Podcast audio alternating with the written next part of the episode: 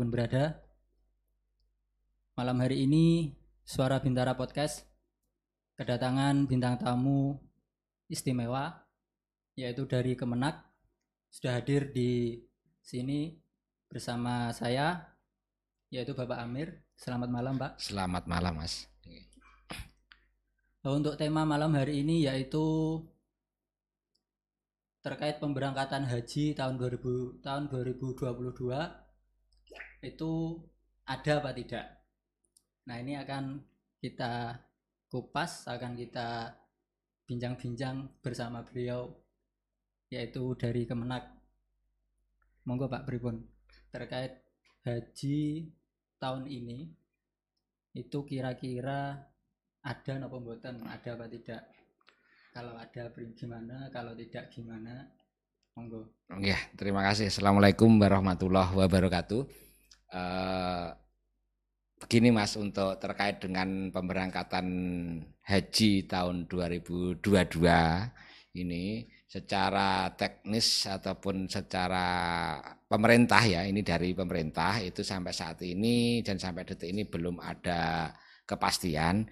Karena dari uh, berita pagi tadi dari Kementerian Agama Pusat itu masih dalam rangka proses koordinasi dengan pihak Kerajaan Arab Saudi yang mana sampai saat ini dari Kementerian Haji di Kementerian Haji Arab Saudi belum bisa memutuskan uh, bisa berangkat apa tidak. Oh, uh, terus nanti Indonesia jatahnya bagaimana belum ada kepastian. Tetapi dari kami pemerintah Indonesia sampai ini dari Pak Menteri juga menyampaikan untuk persiapan-persiapan haji tahun ini tetap berjalan normal. Jadi persiapan itu diperkirakan kita berangkat 100%. Jadi secara teknis administrasi, hmm. administrasi itu semua kita laksanakan.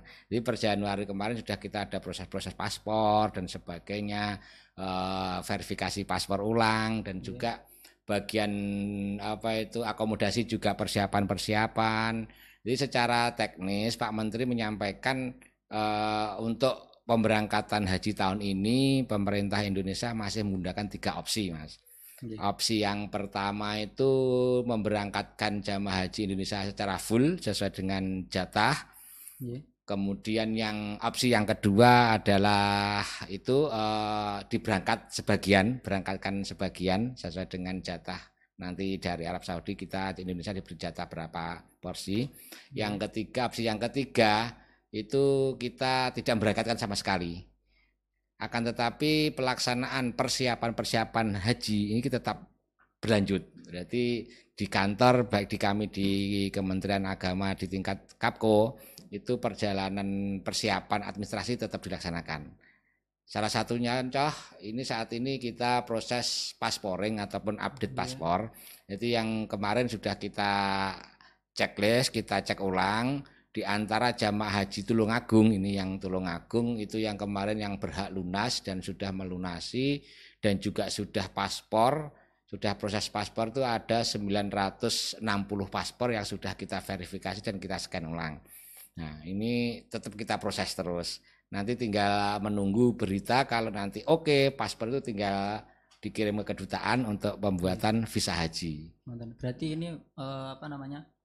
uh, dalam tahap upaya diusahakan gitu Pak. Siap, ya. Koordinasi hmm. ini ke kerajaan Arab Saudi. Iya.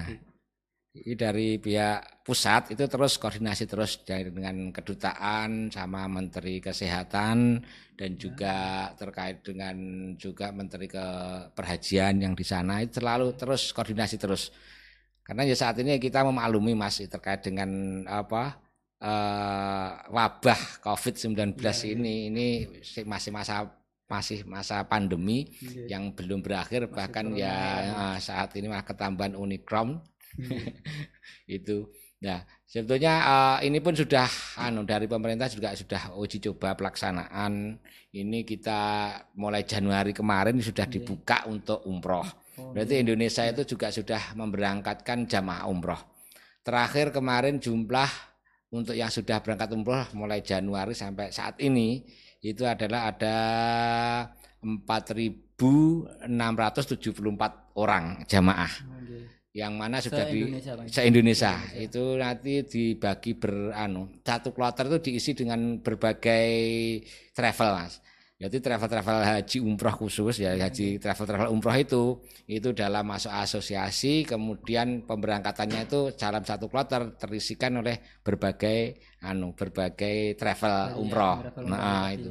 Ini enggak anu terus untuk pemberangkatan pun itu menggunakan sistem OGP Nah, ya gimana, Bang? itu one gate policy berarti pemberangkatan satu pintu. Oh, berarti iya. jamaah umrah yang diberangkatkan itu harus melalui asrama haji. Oh, Pondok Gede diberangkatkan di satu bandara. Berarti Indonesia berangkatnya dari situ. iya. Enggak. Iya itu. Kalau untuk ini untuk mempermudah dalam rangka ah, ini pengecekan kesehatan dan ini untuk ya untuk memperketat situasi ini. Bahkan ya kita juga sempat ini juga apa Menteri Kesehatan juga bisa dikatakan orang mengatakan itu sempat kemarin gembar-gembar tuh Menteri Kesehatan kecolongan. Oh, Maksudnya kecolongan begini, dia dalam satu kloter itu diberangkatkan sekitar 400-an jamaah. Lah, ternyata pulangnya itu jamaah terkena ada yang terkena. ada yang terkena itu ada 84 orang. Nah, ini kan Akhirnya jadi pertimbangan iya di- dari pertimbangan kemudian dievaluasi lagi kemudian pihak Kementerian Kesehatan lebih ketat lagi. Alhamdulillah di berikutnya gitu, di kloter berikutnya tinggal 16 yang kena. Berarti ada penurunan tajam. Berarti saat ini terus persiapan-persiapan berangkat umrah ini terus digenjot terus tetap dilaksanakan dengan protokol kesehatan yang sangat ketat. Nah ini nanti sebagai awal dari pemberangkatan haji tahun 2022 dan saat ini nanti ini omroh nanti sampai beberapa bulan ke depan itu sudah tidak ada masa sama sekali. Insya Allah haji tahun ini tetap berangkatkan. Harapannya gitu. harapannya seperti Berarti itu. bisa disimpulkan eh, umroh ini uji coba untuk pemberangkatan haji bisa jadi begitu. Bisa jadi gitu. Ya sebagai anu apa le, untuk survei-survei dan sebagainya ini untuk teknisnya itu juga eh, sistem dan juga apa itu proses-prosesnya juga hampir sama. Cuma ya ini kalau umroh itu biayanya tambah lebih besar dan semua paketan haji itu cuma satu paket sudah ada kesepakatan seluruh travel travel umroh itu cuma apa itu ada kesepakatan paketannya cuma satu Iya. kalau dulu kan ada paket 9 hari Ya, paket 12 ada hari plus gitu, 21 terus ada yang plus plus dan sebagainya untuk tahun ini semua itu sepakat cuma satu yang apa, eh, eh, itu 12 hari. yang Nah, 12 hari. dan ini pun sangat ketat. Bahkan untuk swab aja enam kali ya. Oh, Untuk swab mau berangkat di sana, di karantina dan ini karantina itu tujuh hari. Berarti eh hari secara eh, eh, sampai selesai Lah itu penak ngomong itu anu apa kuwi jenenge eh, umroh iki wayahe cuma eh 12 hari tetapi malah 19 hari ngono. Itu anu proses saat ini. Nah, ini adalah s- untuk ini nanti untuk kita sebagai acuan dalam pelaksanaan pemberangkatan haji tahun 2022 nanti. Gitu. Eh, ini barusan eh, ada yang menarik ini saya tertarik Oke. yang tadi itu pak ya kalau karantina tujuh hari mungkin ya sebelum sebelumnya sudah sudah pernah karantina ada Iya. tujuh hari dua minggu atau biasanya kemarin itu Iya. tapi kalau untuk berangkatan umroh ini Iya. eh, sambil di swab enam kali ini apa kayak gimana pak? Eh, apa itu. ya emang buat eh, apa namanya antisipasi atau Iya, untuk memperketat agar supaya COVID ini tidak menjalar ke mana-mana dan sebagainya. Itu prosesnya kan mau berangkat ya Hamin satu di swab hari H di swab berangkat masuk asrama di swab mau menu, sambil menunggu penerbangan swab sampai di lokasi Mekah atau Madinah sana di swab kemudian masih di karantina dulu setelah itu pelaksanaan ibadah umroh udah ke Madinah, Madinah setelah itu nanti berangkat menuju ke Mekah, disuap lagi, karantina lagi, lolos, pelaksanaan ibadah, kemudian mau pulang disuap, kemudian sampai Indonesia lagi disuap, karantina suap jadi lagi. benar-benar ketat Iya, ya, ini- protokolnya Ya dari ini. Kementerian Kesehatan Mm, jadi mungkin eh, sekaligus mungkin ya bagi khususnya masyarakat Tulungagung yang mm. mungkin mau berangkat haji atau yang ini ada kloter mau berangkat umroh lagi nomor berapa kalau misal ada yang mau berangkat gitu siap-siap jaga-jaga kesehatannya juga di swab enam kali loh Iya, mau berangkat bandara aja di swab satu kali ada iya masih itu. mm, gimana gitu ini apalagi enam kali Iya. Ya, ya.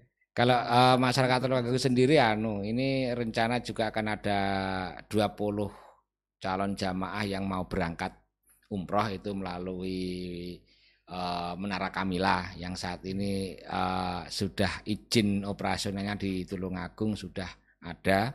Itu kemarin laporan ke kami uh, rencana di bulan Februari akan memberangkatkan 20 jamaah umroh ini itu yang umroh kalau untuk haji ini kami sudah koordinasi dengan beberapa KBIH yeah. ya uh, yang mana di Tulungagung itu ada 12 KBIHU yeah. ya, itu kelompok bimbingan ibadah haji dan umroh itu ada 12 KPIHO yang saat itu kemarin sudah kita informasikan untuk persiapan-persiapan para jamaah mungkin dikumpulkan untuk di uh, manasik ulang kemudian juga tetap menjaga protokol kesehatan dan juga persiapan administratif nah, administratif saat ini adalah uh, proses pasporing hmm. jadi uh, paspor-paspor kemarin yang tahun kemarin jadi berangkat hmm. itu kan ada yang sudah expired yeah. jadi kemarin sudah kita cek ada di antara 960 paspor jamaah calon jamaah haji Tulungagung. Uh, itu ada yang uh, sudah expired sekitar 19 jamaah. Nah saat inilah yang diproses dan kemarin pun juga berkas-berkas untuk persiapan perpanjangan paspor sebagian sudah masuk ke kami. Nanti dalam saya cross check, kita verifikasi, kita sudah selesai, oke, kita beri pengantar untuk penerbitan paspor, kita bawa ke kantor imigrasi untuk proses perpanjangan paspor. Saat ini kami masih, lakukan masih itu. proses Iya, proses seperti ini. Pak ini kembali ke yang tiga opsi tadi. Kalau misal ini kan masih belum tahu Pak, dia masih yeah. hasil koordinasi sama pihak, ya banyak pihak lah terkait pemberangkatan haji tahun ini. Nah ini kalau misal yang opsi pertama tadi berangkat semua misalnya pak, yeah. ini apakah uh, yang diprioritaskan itu apakah yang tahun-tahun sebelumnya yang kemarin belum jadi berangkat atau apakah yang lansia atau gimana kira-kira pak? Uh, sesud, uh, apa yang disampaikan oleh Pak Pak Menteri terkait dengan opsi yang pertama itu dilaksanakan penuh. Berarti yang punya porsi apa utama ataupun yang berangkat itu yang kemarin tahun 2020 21 tidak jadi berangkat yang utama adalah di tahun 2020 yang sudah melunasi oh, iya. ya jadi sepertinya di Tulungagung itu sebetulnya seharusnya ada yang melunasi seharusnya yang bisa melunasi ada seribu lebih jamaah oh, iya. tapi kemarin itu yang sudah melunasi sekitar 900-an jamaah jadi nanti yang prioritas utama yang berangkat ini. Yang sudah lunasi. Ya, yang sudah lunasi. Yang prioritas yang kedua itu adalah porsi masuk yang belum lunasi. Ya, jadi belum lunasi per, sesuai dengan data kami itu pendaftaran sekitar tahun 2002, eh, 2011. Jadi yang kemarin sudah daftar di sekitar Januari Februari di 2011 yang belum sempat lunasi ini nanti akan diprioritaskan diberi jangka waktu sekian hari untuk melaksanakan pelunasan.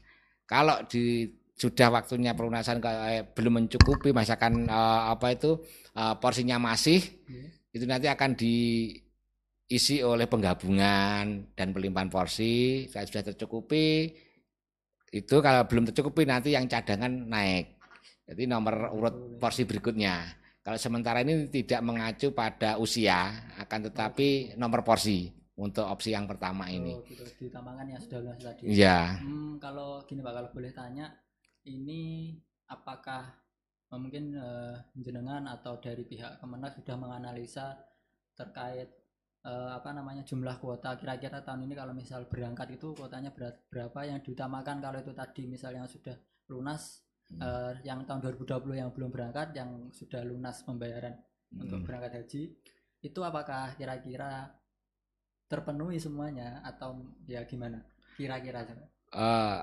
kita bicara di anu jamaah Tulungagung aja Mas ya. Kalau ya, di Tulungagung itu kalau secara administratif itu yang siap berangkat itu ada 960 orang. Kira-kira diberangkatkan semua mungkin Pak Secara teknis harusnya begitu.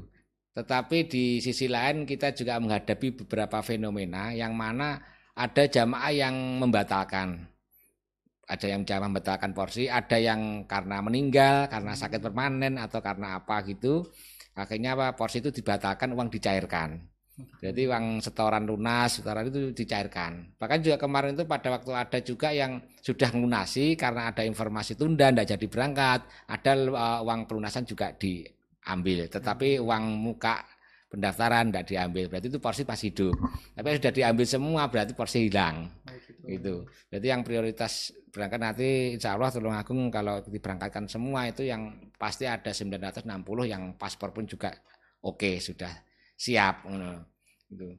Tapi itu di sisi lain kita menghadapi itu ada yang meninggal. Lah yang meninggal ini ada yang dicairkan, ada yang dilimpahkan porsinya. Nah, pelampahan porsi ini bisa disekatkan diberikan kepada anak ataupun ahli warisnya. Dan itu berangkatnya tetap tidak seperti dulu. Dulu peraturan yang dulu itu kalau diganti oleh apa nah, pengganti ataupun pelimpahan porsi itu berangkatnya antri dan sebagainya. Kalau sekarang ini ada aturan yang mana anu apa itu peraturan itu urutnya urutnya antrinya tetap yeah. berarti misalkan berangkat tahun ini kalau tidak jadi berangkat terus porsinya diberikan nah, berarti itu nanti yang pengganti ya berangkat tahun ini hmm. hmm, gitu kalau berarti misal saya daftar tahun 2020 kemarin sudah bayar mas tapi karena nggak jadi karena kemarin juga masih corona hmm. 2020 kalau misal tahun ini berangkat terus saya diwakilkan sama siapa dengan porsi saya itu tadi bisa berangkat itu Bang Bisa tadi. Oh, Dengan catatan ada aturan untuk dilimpahkan porsinya, berarti diganti orang lain kan. Diganti iya. Pak ahli waris itu salah satu syaratnya mening karena meninggal dunia. Hmm. Kedua uh, ini apa sakit permanen yang tidak bisa melaksanakan ibadah. Jadi bisa di ahli wariskan dan itu pun administrasinya juga jelimet. Oh, terutama kalau eh kalau untuk yang meninggal enak tapi jelas orangnya kan meninggal. Ya. Itu berarti ada surat kematian dari Dukcapil hmm. dan nanti pelimpahan poli yang harus ada ahli warisnya di antara anak-anaknya atau suami istrinya itu siapa. Nanti yang di harus ada kesepakatan surat kuasa diberikan kepada siapa anak nomor berapa dan sebagainya itu. Hmm. Tapi kalau untuk yang pelimpahan porsi karena sakit, ya ini prosesnya dua harus ada cek dari anu eh, rumah sakit ataupun dokter negeri, oh, iya. dokter pemerintah gitu. Jadi sudah tahu nah, surat keterangan dokter yang menyatakan jamaah ini sudah tidak layak terbang, kemudian tidak bisa melaksanakan ibadah, kayak itu. Itu. Dan juga itu uh, apa kalau pelimpahan seperti itu uh, nanti ya tergantung si apa ahli warisnya juga pada waktu pengganti itu yaitu dia yang digantikan anaknya apa suaminya atau anak keberapa itu harus ada kesepakatan, ada fakta integritas bahasa gitu. Untuk kesepakatan uh, untuk siapa nanti yang menggantikan porsi tersebut. Untuk kalau yang misal yang menggantikan di ahli wariskan itu entah meninggal atau karena sakit itu proses administrasinya ribet nomor buatan pak? Ya kalau kita jalankan sebetulnya tidak ribet sih. Pokoknya kita dari pihak keluarga yang uh, secara teknis secara kedinasan mudah sebetulnya. Yang penting persyaratan dipenuhi. Yang utama ya kalau yang karena sakit ya harus ada surat dari dokter yang menyatakan bahwasanya jamaah ini atau orang ini itu tidak layak terbang. Kalau terbang membahayakan nyawanya kan kayak gitu. Atau karena sakit permanen dan sebagainya. Itu baru bisa diproses. Setelah dapat itu nanti ahli waris membuat surat kuasa nanti dikuasakan untuk si kepada siapa. Nah, gitu. Hmm. Kalau apa namanya ini kan sudah proses apa namanya survei yeah. kalau apa namanya umroh sebelum kita melakukan berangkatan haji itu pak yeah. lah itu nanti kalau semisal uh, pemberangkatan haji jadi dan dibuka uh, anggap aja ini opsi satu tadi pak hmm. berangkatkan semua untuk prosedur apa namanya protokol kesehatannya itu apakah apa ya istilahnya ya masih sama atau mungkin lebih ketat lagi atau seperti apa hmm. kira-kira uh, sesuai dengan arahan Pak Menteri kemarin dan juga hasil koordinasi dengan Menteri Kesehatan itu nanti yang paling berperan itu adalah Menteri Kesehatan ya. kami dari Kementerian Agama sebagai koordinator saja karena untuk pemberangkatan haji ini kan tidak cuma Kementerian Agama saja, tetapi melibatkan 10 kementerian. Melibatkan ya, melibatkan banyak komponen instansi. Terkait dengan kesehatan ya ini karena ini musimnya corona ya ini Dinas Kementerian Kesehatan. Dan kemarin buka ke, dari Menteri Kesehatan juga sudah menyampaikan banyak-banyak usulan untuk terkait dengan persiapan pemberangkatan haji, mulai itu swab dan sebagainya nanti harus ada wes banyak lah itu kita sendiri juga anu, sambil belajar ulang lagi ini sama kira-kira kalau jamaah seperti ini bagaimana kan gitu tapi kalau selama bisa dilaksanakan insya Allah bisa berangkat gitu ya cuma saja nanti ya itu pasti banyak prosedur tambahan-tambahan gitu. Hmm. Mulai dari rumah harus ada apa itu sudah vaksin satu dua dan sebagainya menunjukkan itu. Kemudian nah, nanti di asrama diputuskan oleh KKP ya nanti KKP sudah memberikan rekomendasi layak terbang baru bisa terbang. Begitu. Ya, kan ibadah haji ini kan istilahnya ya mungkin sama-sama sakralnya sama umroh cuman kalau skala prioritas dari waktunya itu kan haji satu tahun satu kali. Iya. Jadi mah bener-bener iya kalau siapkan antisipasi atau ya seperti itu bang iya karena gini kalau haji itu kan pada pelaksanaan haji pasti enak umroh ya tetapi lah umroh kan ada haji nih iya. karena haji memang satu tahun satu oh, kali iya. jadi untuk haji itu orang berhaji pasti melaksanakan umroh. Oh, gitu. Tetapi kalau uang umroh belum belum bisa dikatakan haji kan. itu prosesnya di sana kan itu nah, dan itu ada jam-jamnya yang atau untuk haji itu kan apa itu ya apa ibadah ritual yang sangat juga ibadah fisik juga kan di sana tuh ya, ya. mengikuti jejak-jejaknya para leluhur-leluhur sesepuh para nabi dan sebagainya iya. ibadah beda itu. Nah. Yeah. Nah ini uh, sedikit pindah haluan uh, tanya terkait ya masih seputar haji. Hmm. Kalau misal saya saya atau siapa gitu pak ingin daftar haji, hmm. misalnya DP dulu, belum sampai lunas ke semuanya total biaya haji misalnya sekian itu belum bisa dilunasi hmm. semuanya, masih DP dulu lah. Uh, enaknya ngomong gitu, masih hmm. DP dulu. Apakah bisa berangkat? Nah. Atau gimana Pak? Uh, gini terkait dengan pendaftaran haji itu uh, bahasanya bukan DP ya, itu pakai uh, anu untuk mendapatkan porsi itu kan punya uang 25 juta. Berarti iya, dua uang 20 juta itu untuk sebagai untuk mendapatkan porsi. Ah, iya. Setelah itu menunggu nanti pas tahun berangkat baru ada berita pelunasan pelunasnya sekian juta. Oh, iya. Berarti Biasanya nanti dilunasi pas ngangsur gitu Pak. Ya, mm -mm. Ini enggak ah, sistemnya enggak ngangsur Mas. Oh, di, di, dibayarkan pada waktu mau berangkat. Oh, gitu. Ini contohnya seperti tahun 2019 gitu ya kemarin itu uh, setoran awal pada waktu untuk mendapatkan porsi itu 25 juta. Sedangkan pas pelaksanaan hari berangkat itu pelunasannya sekitar 36 juta. Nah ini yang sisanya ini dibayarkan pada waktu mau berangkat. Oh gitu. Ya. Kalau ini saya nggak tahu ya. Kalau saya pernah dengar itu kan misalnya saya pengen haji nih, saya daftar, saya istilahnya dapatkan porsi tadi kan bayar dulu. Terus kemudian uh, berangkatnya kan belum tentu dan besar kemungkinan nggak tahun sekarang atau dua uh. tahun lagi, tapi mungkin 5 sampai 10 tahun lagi misalnya. Uh nah itu sambil nunggu sampai 10 tahun yang akan datang berangkat hmm. itu sambil nyicil gitu kalau yang saya pernah dengar itu gitu oh itu mungkin gini mas uh, juga dulu memang ada yang namanya sistemnya itu haji talangan haji talangan itu misalkan punya uang dua juta setengah sudah bisa mendapatkan porsi nah tetapi setelah itu bensasi bayar neng bank biasanya ya aku nyileh duit bank tinggi gelek porsi kok oh. akhirnya anu dibayar bensasi. Berarti banknya yang anu, menalangi gitu. bahasa itu bahasanya dulu itu adalah talangan haji. Tetapi sejak beberapa tahun terakhir ini untuk talangan haji sudah dihapus. Oh, gitu. Berarti pihak bank-bank yang sampai saat ini kok masih memberikan talangan haji itu akan di blacklist. Oh, gitu. Karena uh, bank-bank untuk penerima setoran haji itu kan tidak semua bank bisa itu bank-bank yang ditunjuk yang namanya BPA itu BPS, BPIH hmm, itu ya. bank penerima setoran haji itu tidak semua bank bisa itu ada bank-bank yang ditunjuk dan mempunyai aplikasi Siskohat jadi ya Siskohat itu gandeng itu dengan punya Kementak. Berarti gitu. Jadi tidak semua bank. Dulu itu malah bank-bank konvensional itu banyak. Tetapi mulai tahun akhir kemarin itu untuk sudah tidak melibatkan bank konvensional lagi, tetapi me- anu yang di apa kerjasama dan Kemenak untuk haji ini adalah anu bank syariah.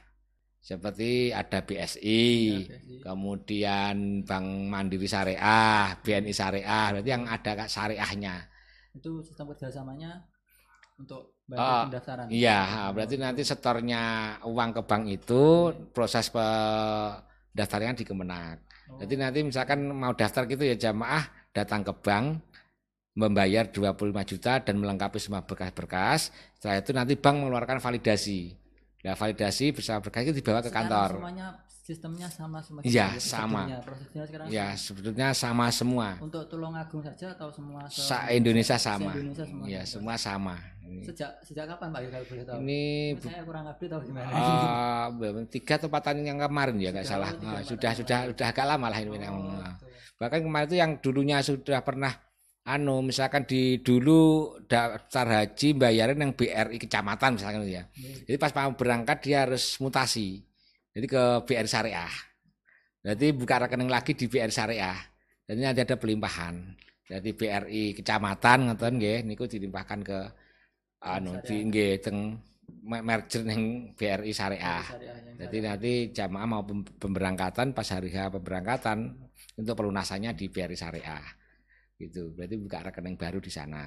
Oh, Gitu. gitu. Jadi yang bisa ini eh, sudah dilaksanakan beberapa tahun terakhir ini gitu. Oh, gitu. Heeh.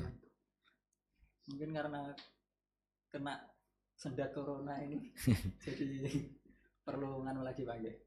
Ya untuk yang belum tahu ya kayak saya tadi ya yang kurang update itu tadi. Iya, Jadi biar jadi tahu gitu Pak. betul betul. Terus eh, ini kan apa namanya? Biar enak gitu Pak. Kalau Hmm. maaf ya kalau boleh tanya runtutnya teknis mulai pendaftarannya sampai nanti alurnya kita kalau misal pengen berangkat haji itu gimana? Dari pendaftaran sampai nanti prosedurnya berangkat. Oh ya. Ini kalau misal eh, kita beranggapan berasumsi kalau ini haji berangkat gitu Pak. Oh iya. Hmm, Ya jamaah kalau ingin berangkat haji harus daftar dulu. Nggih. Nah itu anu apa itu punya uang. Nah Iya. uang dibawa ke bank nanti jamaah datang ke bank membawa persyaratan administrasi dan uang. Nggih. Setelah itu didatang ke bank, bank nanti akan mengeluarkan validasi. Nomor validasi ini dibawa ke kantor Kemenak, sama kantor Kemenak diproses untuk didaftar dan dikeluarkan nomor porsi. Kalau dulu itu prosesnya bolak-balik, bank Kemenak, bank Kemenak, bank Kemenak itu yang mengeluarkan porsi dulunya adalah bank. Tetapi mulai tahun-tahun ini, ya mulai tahun kemarin, itu untuk pendaftaran haji itu porsinya yang mengeluarkan langsung Kemenak. Kalau Berarti yang ini lebih enak mana Pak? Iya, ini enak ini Pak. pemangkasan karena ya ini inovatif inovasi ini mempermudah jamaah. Nah, gitu. Jadi mempermudah jamaah datang bank jamaah ke bank, baru terus kembali ke ke Kemenak diproses porsi, porsi keluar sudah selesai. Tinggal nunggu tahun berangkat. Pada waktu sudah mendekati tahun berangkat, misalkan berangkat tahun ini gitu ya, berarti jamaah mulai awal sudah di kami, kami beritahu tahun ini berangkat misalkan gitu. Niki jamaah kita beritahu untuk bisa melaksanakan bimbingan manasik. Nah, yang dilakukan di ada dua sistem. Yang pertama dilakukan oleh KPIHU, yang kedua langsung Kemenak. Lah kalau Kemenak itu dilaksanakan untuk Tulungagung enam kali ya Iya, iya. di kecamatan sama di kabupaten. Berarti tingkat kecamatan enam kali, dua kali di tingkat kabupaten. Jadi manasik karbar karena manasik kecamatan. Terus yang di KBIH, yang apa manasik di KBIH itu tergantung dari masing-masing KBIHU yang mana sesuai dengan eh, aturan yang dikeluarkan oleh Kementerian Agama itu manasik di KBIHU itu minimal 15 kali. Jadi pas tahun mau berangkat itu jamaah mulai Janu sebelum Januari biasanya itu di bulan Desember, November ya. Nova- KPIHU ini bukan yang tingkat kecamatan? Bukan. KBIHU itu adalah kelompok bimbingan ibadah haji dan umroh. Oke. Di Tulungagung itu ada 12. Iya. Yang pertama di Pondoknya Gus Hadi, Oh, itu di Jadi KB. saya nangkapnya itu saya kira KBH ini meskipun ya kecamatan Tulungagung kan sekitar 19 ya. Ah, Saya nangkapnya tuh KBH ini tingkatnya kecamatan. enggak, KBIHU ya tingkatnya kabupaten. Kabupaten. Jamaahnya tersebar ke mana-mana sesuai dengan anu apa lek ngaran lek bahasa kasar saya menganggap itu ada sesuai dengan alirannya masing-masing. Contoh-contoh ada aliran NU, aliran Muhammadiyah, LDII, Torekot dan sebagainya. Salah satu contoh misalkan uh, eh, NU, NU punya KPIHU namanya Rahmatul Umat. Kemudian Muhammadiyah punya KPIHU namanya KPIHU Muhammadiyah. Kemudian yang Toreko dan sebagainya sebetulnya Pondok Panggung. Pondok Panggung ini punya KPIHU namanya KPIHU Tawun. Kemudian Gus Diana Gus Hadi Pondok Naten nggih kuwi namine gitu Pak Gus. anu jamaah diarahkan ke KPIH KPIH sesuai dengan anunya alirannya masing-masing. 15 kali mana sih Bang? Ya, minimal 15 kali. Kalau lebih malah lebih bagus. Yang diharapkan nantinya itu pas pelaksanaan haji jamaah itu menjadi jamaah mandiri. Hmm. Jadi wis neng Mekah wis pinter ngono lah. Padha karo lek kene cah sekolah ki yo les ngono lho di kulinane ya. Heeh, ngono. Kuwi ya. Kuwi. lanjut prosedurnya Natal. Ya cuma saya ini sambil mengenalkan ke jamaah mungkin yang belum tahu ada KBIH. Ini saya sebutkan ada 12 KBIH. Itu pun alirannya juga bermacam-macam. Uh, sistem ibadahnya juga ya caranya beda-beda tapi tujuannya sama sebetulnya. Sebetulnya di Pondok Ngunut ini apa itu Yai Makros itu namanya KBIHO Istiqomah. Kemudian di LDII itu namanya KBIH KBIHU Sakinatul Umat. Kemudian di Pondok Campur itu ada KBIHU uh, Darussolikin, terus di juga dicampur itu ada satu lagi namanya KBIHU Al Amanah. Di Bandung ada itu namanya KBIHU Al Mukaromah Terus di Gedung Baru di Tanon itu ada namanya KBYAHU Arafah. Kemudian di Muhammadiyah ada KBYAHU Muhammadiyah. Kemudian di Sumber eh, mana itu Sumber Gempol itu ada KBYAHU Al Husna. Terus di Mbelangu ada namanya KBYAHU Al Mabrur. Gitu. Jadi ada 12 KBYAHU ini yang bisa digunakan untuk tempat belajar manasik ya dari jamaah mungkin pengen belajar lebih ben pinter nanti pelaksanaan ibadah haji bisa ke situ. Kalau sudah daftar terus mm -hmm. biasanya kan sudah dijadwalkan Pak ya biasanya. Mm -hmm. Ini hari ini tanggal sekian gitu kan misalnya pelatihan manasiknya gitu Pak. Uh. biasanya gitu.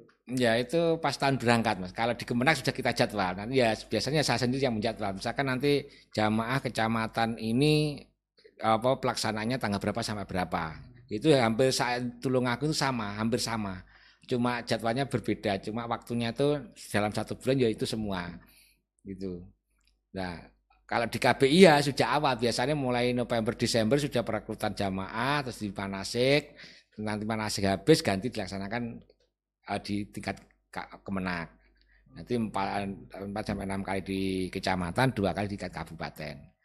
Itu Iya. Yang 15 tadi apa Pak Itu apa? Kalau di okay. di KBIH itu manasik gaji dilaksanakan minimal 15 kali. Okay. Yang 6 tadi ini Yang 6 itu di tingkat kecamatan. Jadi beda yang tingkat kecamatan sama kabupaten yang melaksanakan Kementerian Agama itu memang haknya jamaah untuk mengikuti tersebut itu gratis jamaah itu sudah include dalam BPIA itu itu yang haknya jamaah itu kan mendapatkan bimbingan manasik yeah. ya. Kalau di KBIH mereka kan bayar. Oh gitu. Nggih di KBIH biasanya kayak di sekolahan kan Mas. Les anak-anaknya dilasne. Ngelas ini kan mungkin bayar. Yeah. Nah, tapi kalau di Kementerian Agama ini sudah include di BPIH. Berarti punya jamaah punya hak untuk menerima manasik gitu. Hmm. gitu. Untuk setelah manase kemudian untuk persiapan berangkat itu gimana biasanya pak prosedurnya? Nah, pada waktu persiapan itu jamaah harus mengikuti vaksin. Eh, selain kalau dulu sebelum corona, ya, sebelum corona kemarin itu harus mengikuti dua vaksin, vaksin meningitis sama vaksin influenza. Hmm. Itu itu ya apa pemenangnya Kementerian Kesehatan. Ya kalau di sini kita dinas kesehatan. Jadi pada waktu proses ini saya dari Kementerian Agama itu setelah koordinasi dengan Dinas Kesehatan. Ya, Dinas Kesehatan biasanya minta data ke kami. kira-kira tahun ini berapa yang berangkat yang disiapkan vaksinnya berapa itu dari kemudian kemudian kita siapkan kita data kita kirim ke, ke dinas kesehatan kesehatan nanti akan membagi jadi jamaah itu dibagi sesuai dengan kecamatannya masing-masing nanti vaksinnya yang puskesmas kono puskesmas kono jadwal gitu jadi pada berangkat itu selain jamaah melaksanakan manasik juga itu vaksin. Vaksin selesai nanti juga proses paspor. Paspor tidak kalah penting karena paspor ini sangat menentukan budal hendaknya. Ya karena kita sendiri ya selama saya nangan sekitar 10 tahun di perhajian ini itu pasti ada jamaah yang telat visa. Visa haji itu telat. Ya nah, bisa bisa jadi karena pembuatannya paspornya telat bisa jadi jamaah itu orang pejabat ataupun orang penting yang sering di luar negeri pada waktu pengumpulan paspor paspornya saya tinggi dulan yang luar negeri. Akhirnya kemarin juga kita sempat waktu jadi deadline tanggal sekian paspor sudah saya terima dan saya kirim ke Kanwil ke kedutaan untuk pelaksanaan mendapatkan visa ini belum bisa dikumpulkan. Akhirnya ya ini mengakibatkan telat. Ya itu kemarin gini, akhirnya saya itu seharusnya Tulung Agung misalkan ada jatahnya 4 kloter. Yeah. Itu sampai terpecah menjadi 11 kloter ya. Ya gara-gara itu visa telat ya ini bisa bisa tanya karena itu bukan karena kesalahan teknis misalkan paspornya ada yang bermasalah, kemudian telat like ngumpul nih paspor gitu. Paling riskan Pak Iya. Dan itu jamaah juga dikarantina di anu Mas. Walaupun tidak ada Covid pas saat itu tuh dikarantina di asrama haji. Jamaah itu tidak boleh tidak boleh keluar dari asrama haji. Nanti kalau apa itu ini mengganggu jamaah yang lain gitu Karena di asrama haji itu kan prosesnya kan satu hari satu malam. Itu untuk persiapan berangkat itu. Mulai cek kesehatan, administrasi, dan lain-lain lah nanti menginap di asrama haji itu selama 24 jam itu proses pemberangkatan ke pesawat ya itu. Nah ini sambil nunggu biasanya. Ini kayak wis visanya wis lengkap. Menurut saya lego mas. Baik alhamdulillah. Tetapi mesti setiap tahun yang saya alami sampai 10 kali pemberangkatan itu pasti ada tulung agung itu visanya sing telat. Ada juga ya mah yang sudah siap berangkat arep naik pesawat ini ndak sida wedi pesawat kaget. Terus akhirnya enggak jadi, berangkat. akhirnya di anu dulu di uh, rumah sakit haji karena nanti terus ditenang nih siap berangkat terus kita berangkat ke ikut kloter berikutnya. Dan sekarang itu saya harus mencari seat kosong di kloter berikutnya. Biasanya kita titipkan ke kloter kita tanazulkan Kemudian juga gitu ada suami istri yang satu sakit yang satu sih harus ini mau nggak mau harus tetap berangkat yang satu tertinggal jadi suaminya berangkat, istrinya masih tertinggal di asrama haji. Ini proses kesehatan sampai dokter menyatakan layak terbang. Nah setelah dinyatakan layak terbang, ini tugas kami yaitu mencarikan seat kosong di penerbangan berikutnya. Dan ini biasanya saya rebutan dengan kabupaten lain. Kembali standby ning anu beda bagian penerbangan. Iki jamaahku siap berangkat kudu dadi selesai golekne sisi kosong Bahkan sepertinya tulung aku kalau kita ada yang ketinggal, kan otomatis kan ada seat kosong. Ini diisi oleh kabupaten lain. Bilang pas gantian pas aku boleh butuh ya aku mesti nyuwedeki petugas yang sana.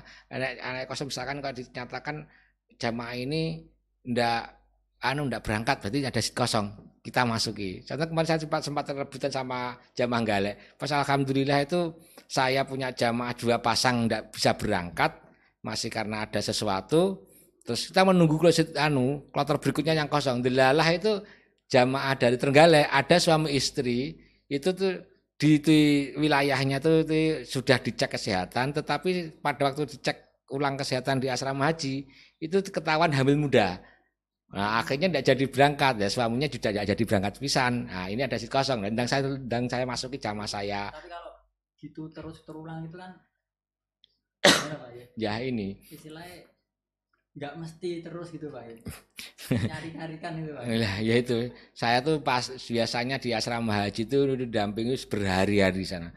Wah ya cuma sehari tiga hari empat hari selesai jamaah berangkat semua. Itu saya masih tertinggal di asrama haji nunggu jamaah yang belum berangkat. Ada yang karena sakit ada yang karena visa telat dan sebagainya. Yang paling banyak itu ya karena sakit.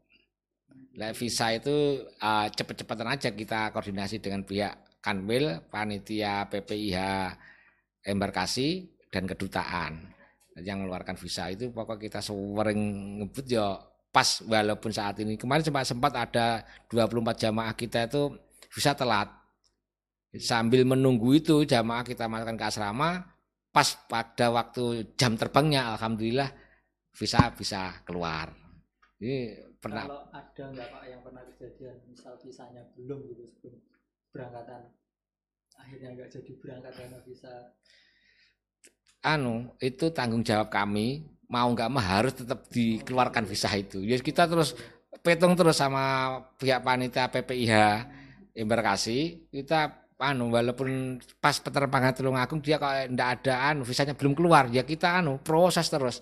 Kita terus terus Pak. mm-mm, sampai Berarti visa keluar. sekarang dari jenengan eh, selama ngurusi ini kegiatan haji Hmm. ini belum pernah Pak ada yang belum tidak jadi berangkat karena itu tadi karena Ya, karena visa belum ada. Belum ada. Maksudnya tetap anu, karena tugas kami harus punya kewajiban untuk harusnya iya tetap berangkat gitu. tetap harus berangkat karena kalau nggak berangkat itu ruginya double jamaah ya rugi ke apa dinas ya rugi. Prosesnya pengen ngomong kan jadi heeh, kan. pesawat kan wis dicater, Iya. maktab wis dicater, konsumsi wis dicater, penamang wis dikontrak ke kabeh. Tapi kok ndak sudah budal kan iki muspro. Emang. Memang nggih.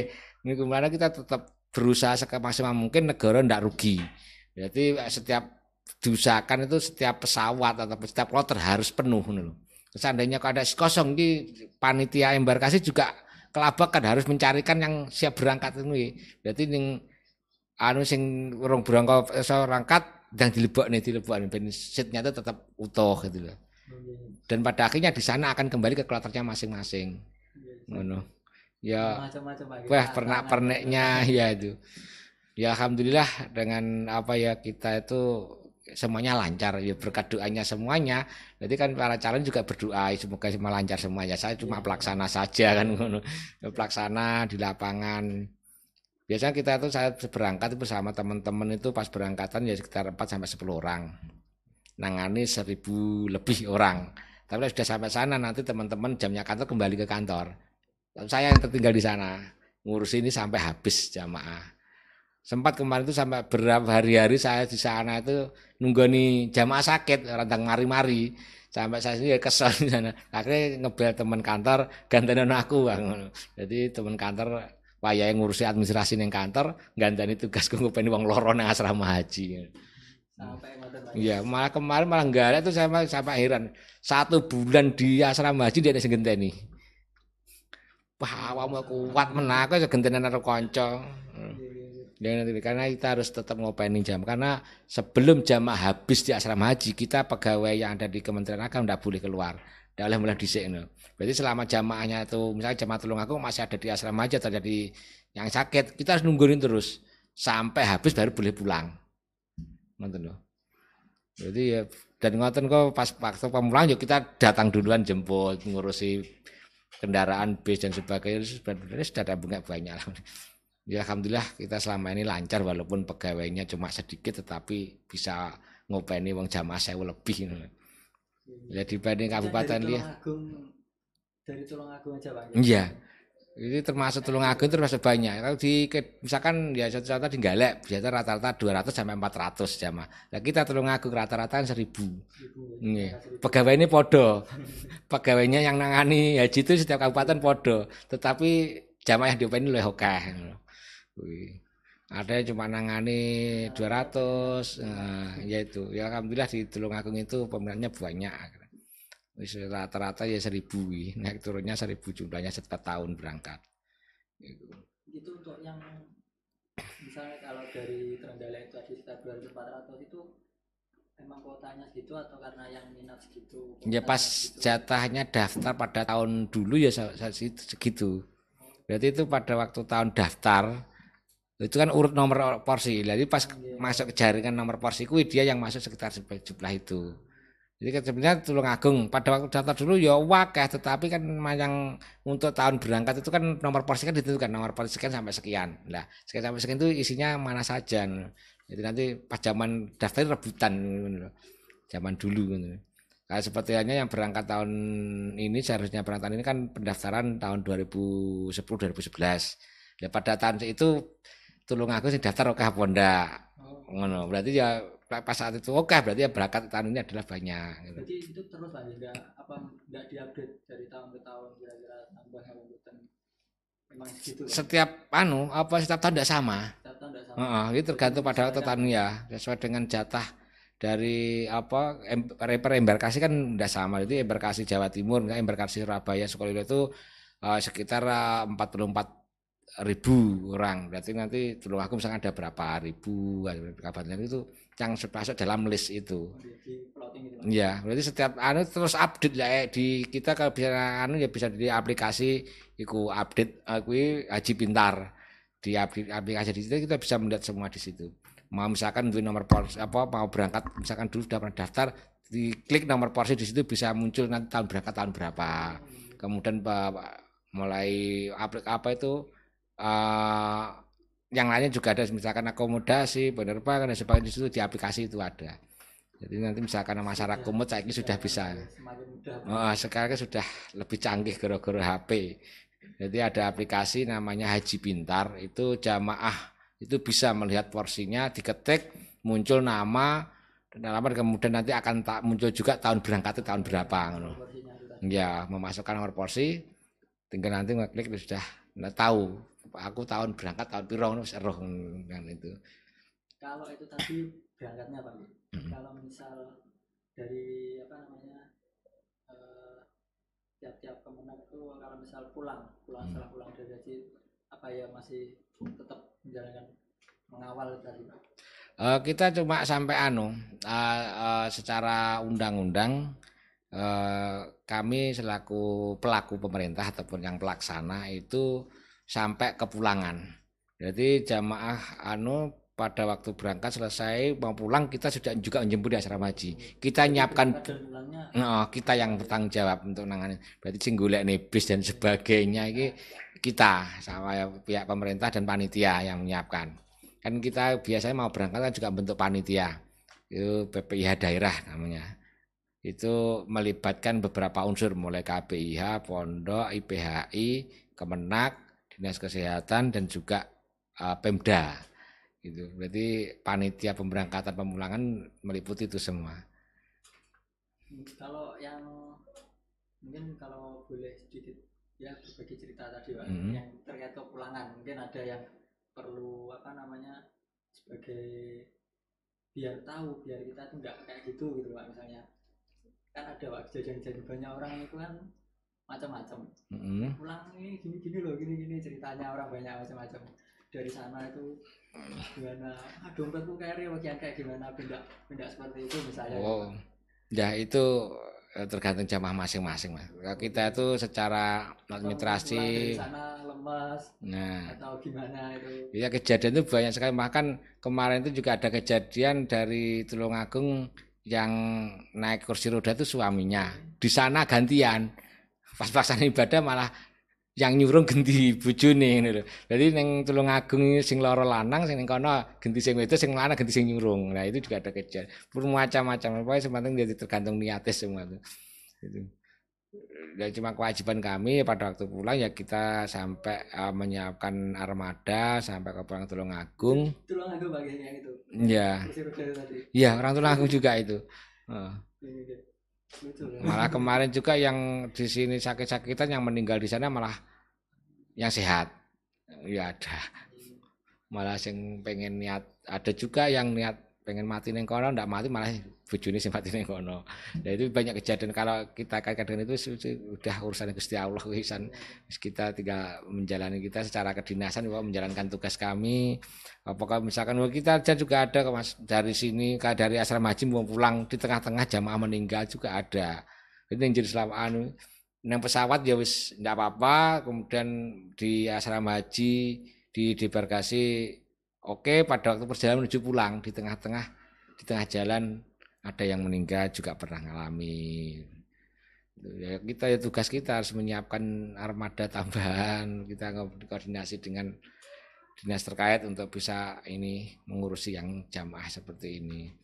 Jadi Ber- meskipun pemberangkatan dan eh, haji ini satu tahun sekali tapi benar-benar situasi dan manunya nggak bisa ditebak ya setiap tahun pernak-perniknya tuh nggih. Ruwenerna kasus dan sebagainya. Sebetulnya setiap ada kasus itu kita kan pada setelah selesai pemberangkatan pemulangan sudah selesai kan mereka ada evaluasi. Masalah apa yang tahun ini yang ada Nah, itu ada terus ke depannya tahun berkahnya tidak habis seperti ini. Yang setelah itu selesai ganti masalah lain, masalahnya gantian-gantian. Iya, ada yang dulu juga pernah masalah catering, masalah apa kendaraan, masalah bis itu benar harus diantisipasi, diantisipasi. Dulu kita juga pernah salah satu armada beberapa kali menggunakan armada ini bagus. Pada waktu akhir kok anu malah tidak bagus, kita cari armada yang lain. Ke kontrak dengan armada lain untuk yang lebih bagus kendaraannya. Itu. Jadi amprih nyamani jamaah piye karena jamaah berusaha untuk diberikan kenyamanan untuk ibadah. Jadi tidak bengek administrasi, kekakodasi kita yang menyiapkan semua untuk kenyamanan para jamaah. Gitu. Ya. Terus uh, ini mungkin terakhir pak mm -hmm. uh, dari itu tadi semua terkait haji ya. Jadi ini kesimpulannya masih menunggu Ya, secara teknis untuk pelaksanaan pemberangkatan haji tahun 2022 pemerintah masih menggunakan tiga opsi. Opsi yang pertama itu adalah pemberangkatan penuh, opsi kedua itu diberangkatkan sebagian, opsi ketiga tidak memberangkatkan sama sekali. Tetapi secara teknis di lapangan kami di yang ada di kabupaten kota, Kementerian Agama kabupaten kota itu administrasi terus kita laksanakan. Jadi kita tetap ibaratkan berangkat 100%. Berarti administrasi terus mulai paspor, administrasi yang lain dan sebagainya tetap kita lakukan sampai saat ini. Jadi tetap repot terus Pak enggak. Jadi masih proses dan ya. menunggu Iya, sampai menunggu keputusan dari pihak Arab Saudi dan Kementerian Pusat, Kementerian Agama, nanti kita di lapang tetap persiapan-persiapan gitu. Nah, ya ini sebelum kita akhir sebelum kita akhiri podcast pada malam hari ini uh, mungkin kita boleh minta closing statement dari dengan mungkin pesan-pesan atau apa yang bisa kepada masyarakat. Mungkin boleh juga kalau misal khususnya masyarakat Tulungagung ini terkait haji atau gimana Oh baik. Ya, baik, terima kasih Mas. Uh, kami sampaikan kepada calon jamaah haji Kabupaten Agung saat ini proses administrasi proses persiapan pemberangkatan haji tetap berlangsung. Bahkan kemarin sudah kita sampaikan KBA untuk disampaikan kepada jenengan para jamaah. Untuk persyaratan administrasi adalah ini paspor dicek ulang. Kalau paspornya itu masa berlakunya sudah habis segera diproses. Saat ini sudah kita ada kerjasama dengan pihak imigrasi untuk proses paspor calon jamaah haji. Dan selalu jaga kesehatan persiapan-persiapan belajar manasik bersama kelompoknya masing-masing tetap menjaga protokol kesehatan agar supaya nantinya pada pelaksanaan haji sehat, lancar dan tidak ada masalah apa pun. Demikian, terima kasih. Siap, terima kasih hmm. Pak. Sama-sama. Uh, jadi intinya uh, yang saya kalau saya simpulkan adalah kalau misal untuk jamaah haji atau calon jamaah haji yang berangkat yang penting kesehatan pertama, ya. kemudian paspor dan visanya itu, kemudian kalau misalnya daftar uangnya juga disiapkan. ini sekian uh, bincang-bincang pada malam hari ini. Iya. Saya ucapkan terima kasih Pak. Sama-sama. Datang di Suara Bintara Podcast. Uh, banyak kurangnya saya mohon maaf. Sekian, terima kasih. Wassalamualaikum warahmatullahi wabarakatuh. Waalaikumsalam warahmatullahi